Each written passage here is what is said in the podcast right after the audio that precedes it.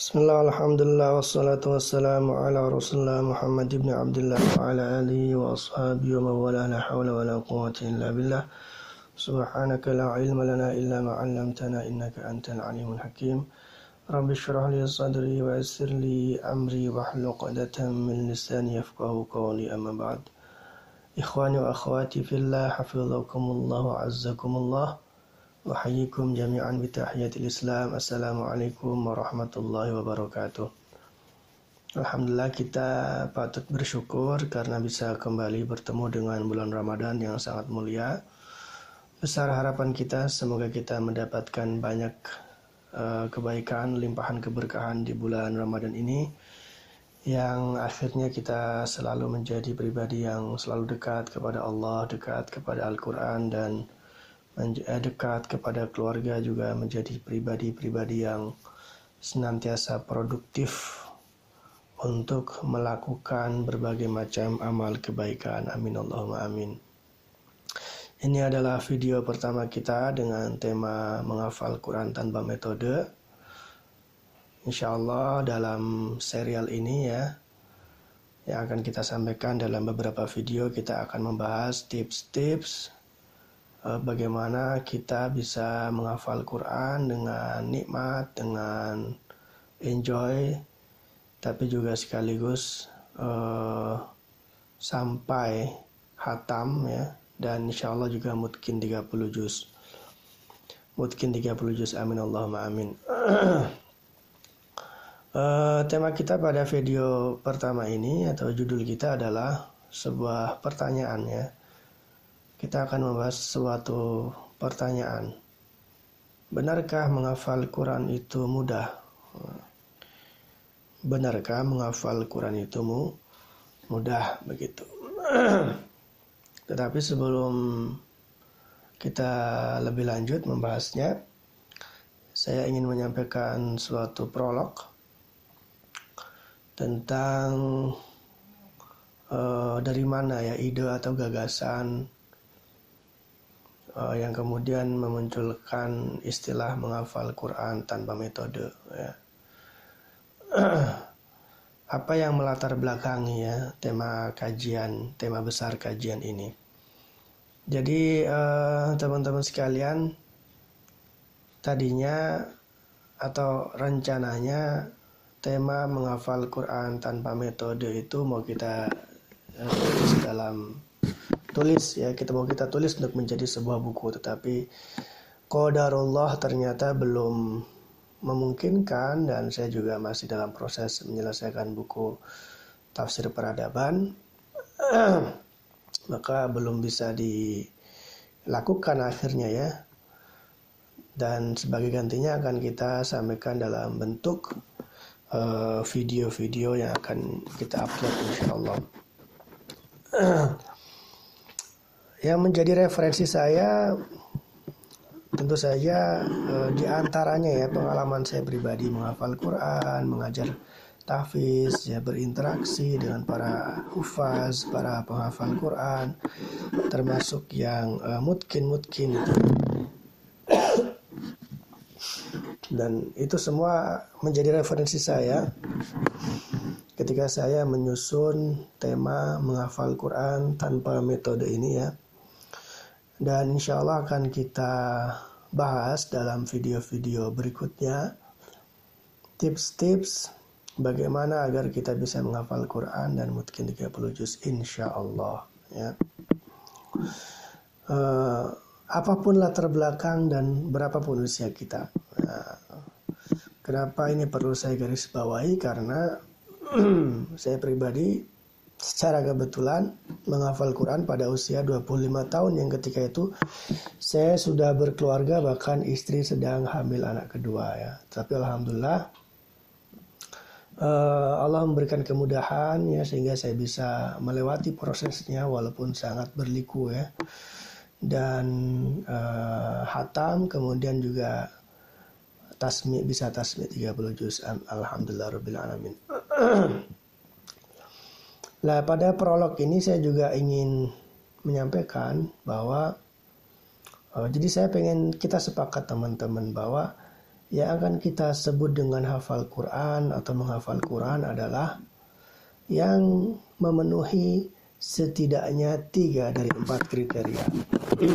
tiga dari empat kriteria bahwa uh, sesuatu hafalan itu layak disebut hafal uh, Quran ya, sebagai hafalan Quran itu apabila memenuhi setidaknya tiga dari empat kriteria. Apa saja tiga dari empat kriteria itu?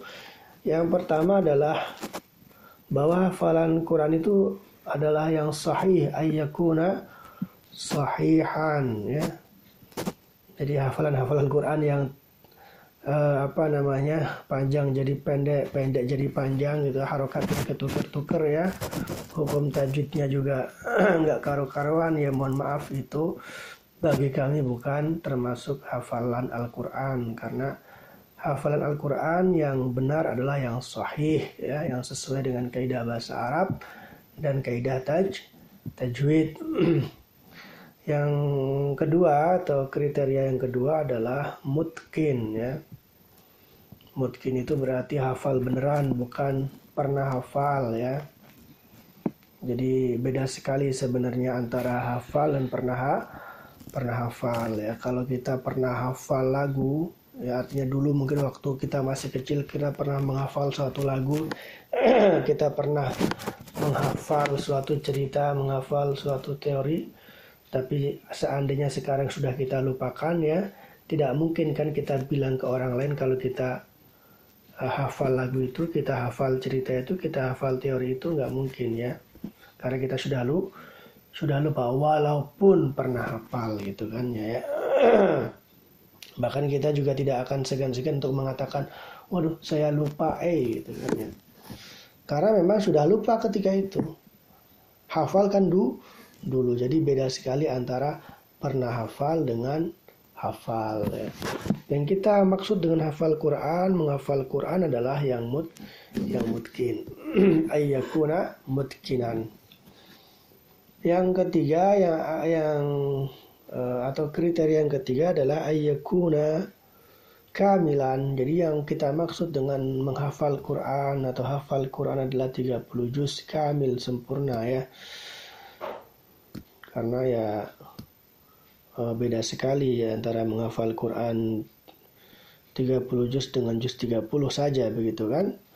Bahkan antara 5 juz dengan 30 juz 10 juz dengan 30 juz itu beda sekali. Beda prosesnya beda perjuangannya dan beda juga cara menjaganya. Sehingga ya memang tidak bisa disamakan. Dan sekali lagi yang yang kita maksud Eh, dengan istilah menghafal Quran dalam pengertian kita dalam video-video kita saat ini dan berikutnya adalah yang kamil yang 30 30 juz yaitu tiga, tiga kriteria yang harus ada eh, apabila apa namanya suatu hafalan itu layak disebut sebagai hafalan hafalan Quran. Ya syukur-syukur kalau ditambah satu kriteria lagi yaitu ayyakuna amilan ya. Yaitu apabila yang menghafal Quran juga eh, apa namanya berusaha bahkan sudah konsisten dalam mengamalkan nilai-nilai dan ajaran Al-Qur'an Al-Quran. Tetapi setidaknya tiga kriteria tadi itu harus ada ya. Sahih, mutkin, dan ka, kamil. Taib, jadi sudah ada dua poin yang kita bahas ya. Semoga bisa dipahami dengan baik. Uh, apabila ada pertanyaan-pertanyaan ya bisa bisa disampaikan di kolom komentar ya. Uh, mohon maaf kalau ada sedikit gangguan ya karena memang saya masih belajar pada dasarnya. Dan sekarang akan kita lanjutkan kepada materi utama kita, tema utama kita pada video kali ini yaitu benarkah menghafal Al-Quran itu mudah? Ada dua ada dua jawaban ya setidaknya ya. Uh, jawaban yang pertama itu jawaban yang teoritis, yang kedua yang sesuai dengan fakta. Yang teoritis tentu saja kita akan mengatakan bahwa menghafal Al-Quran itu mudah. Ya.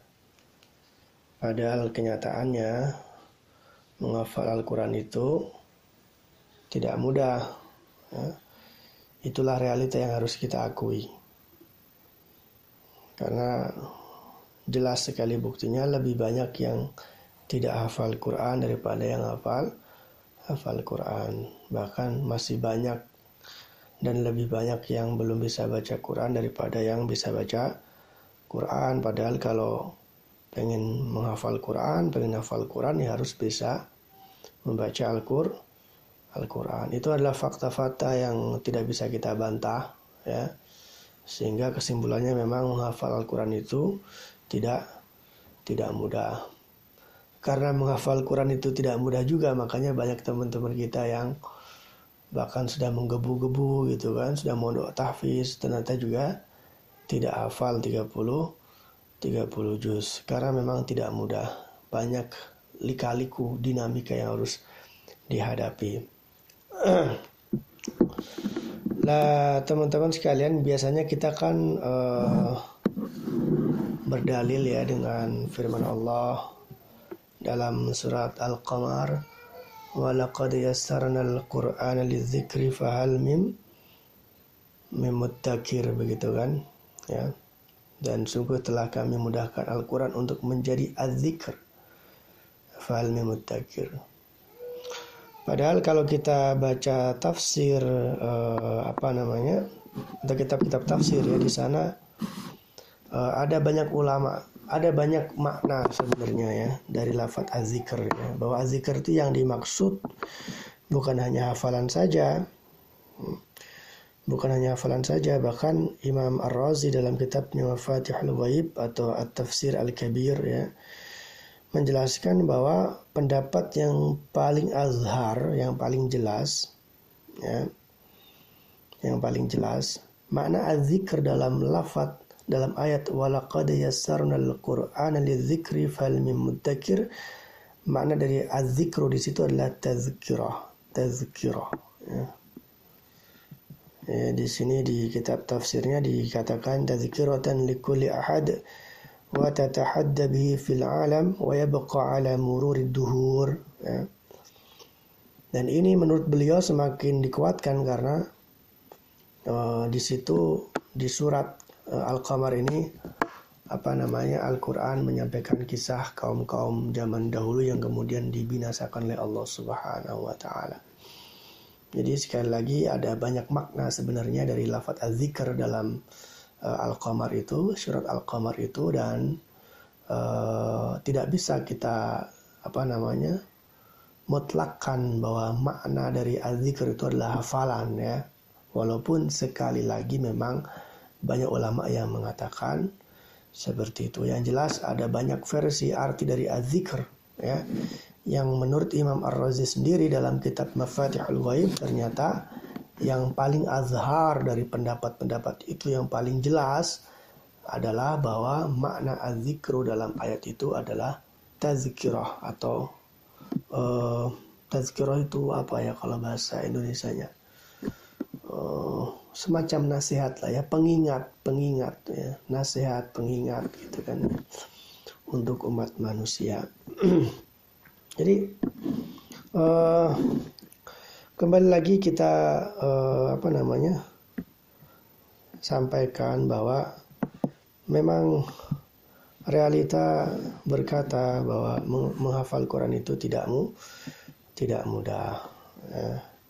Tetapi sekali lagi apabila kita mengetahui ilmunya ya, memiliki ilmunya, maka insya Allah seandainya menghafal Al-Quran itu tidak mudah, ya, maka insya Allah kita tetap bisa menjalani prosesnya sampai akhir gitu.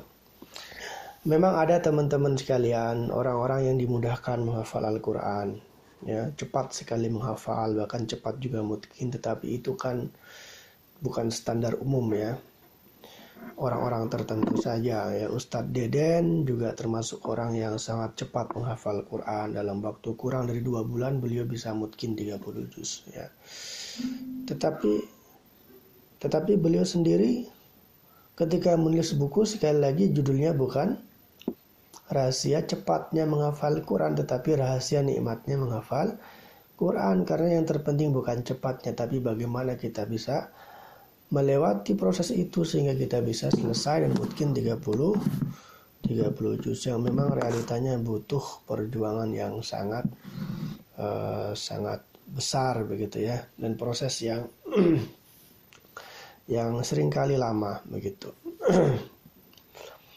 lah ketika berbicara tentang ini saya juga ingin menyampaikan bahwa seandainya kita tetap menganggap bahwa menghafal Quran itu mudah. Ya.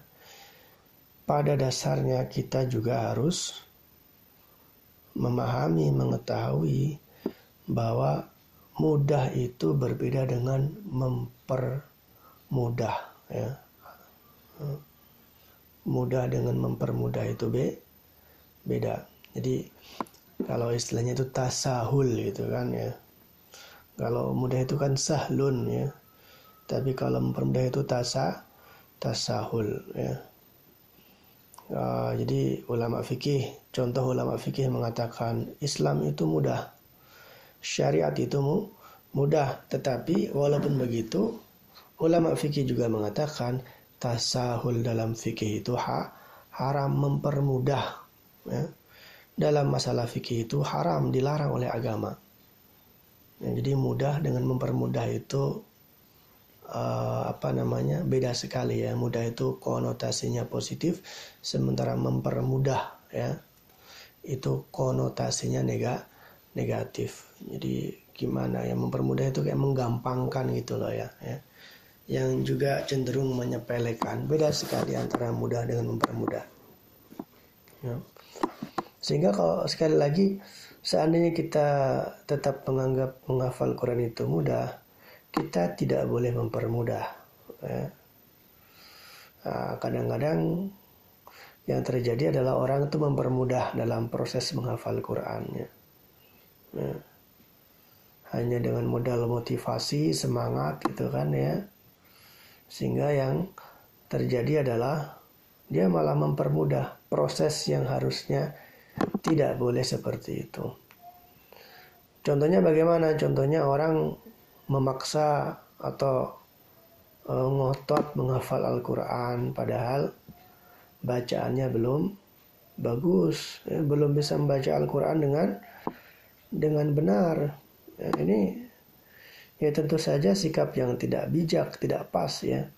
Karena kalau kita tidak bisa membaca Al-Quran dengan benar bagaimana kita bisa menghafal Quran dengan dengan benar? Ya. Kalau kita tidak lancar membaca Al-Quran, bagaimana kita ingin memiliki hafalan Quran yang lan, yang lancar ya?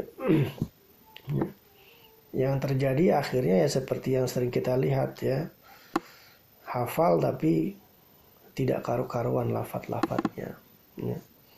Nah, hal-hal seperti itu sering kali muncul karena orang terlalu mempermudah dalam proses menghafal menghafal Al-Quran. Ya.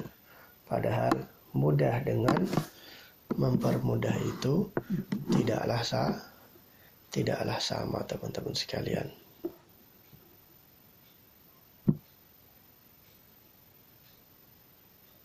Taib, uh, walaupun tetapi sekali lagi walaupun uh, menghafal Al-Quran memang tidak mudah ya kalau kita memiliki ilmunya ya tahu cara-caranya ya insya Allah kita bisa melewati prosesnya sampai akhir dan insya Allah sampai mungkin 30 juz. Dan insya Allah tips-tips itu cara-cara itu yang akan kita sharing di video-video uh, berikutnya. Dan insya Allah di video kedua atau setelah video ini kita akan membahas manfaat menghafal Al-Quran. Jadi uh, dengan kata lain betapapun menghafal Al-Quran itu uh, apa namanya susah ya mudah tidak mudah ya tetapi kalau kita jalankan dengan sungguh-sungguh ternyata di situ banyak sekali manfaat yang akan kita rasakan ya. Uh, termasuk manfaat-manfaat yang berhubungan dengan peningkatan intelektual, kecerdasan dan uh, manfaat yang berhubungan dengan uh, pembentukan karakter ya. Itu uh, akan diraih ketika seseorang bisa menghafal Quran dan melewati setiap prosesnya. Insya Allah tema ini akan kita bahas di video kedua dalam serial menghafal Quran tanpa metode hafalan mungkin untuk semua. Kira-kira itu teman-teman yang bisa saya share pada video ini ya. Eh, semoga bisa dipahami poin-poinnya dan saya mohon maaf apabila ada salah-salah kata. Sekaligus saya juga sangat senang sekali apabila teman-teman ingin menyampaikan masukan atau sanggahan ya. Saya akan senang sekali apabila uh, materi yang saya sampaikan disempurnakan dengan komentar dan uh, masukan dari teman-teman sekalian dan apabila ada silahkan ditulis uh, di kolom komentar. Terima kasih jazakumullah khairan katsira. Aqulu qawli hadza wa astaghfirullah li wa warahmatullahi wabarakatuh.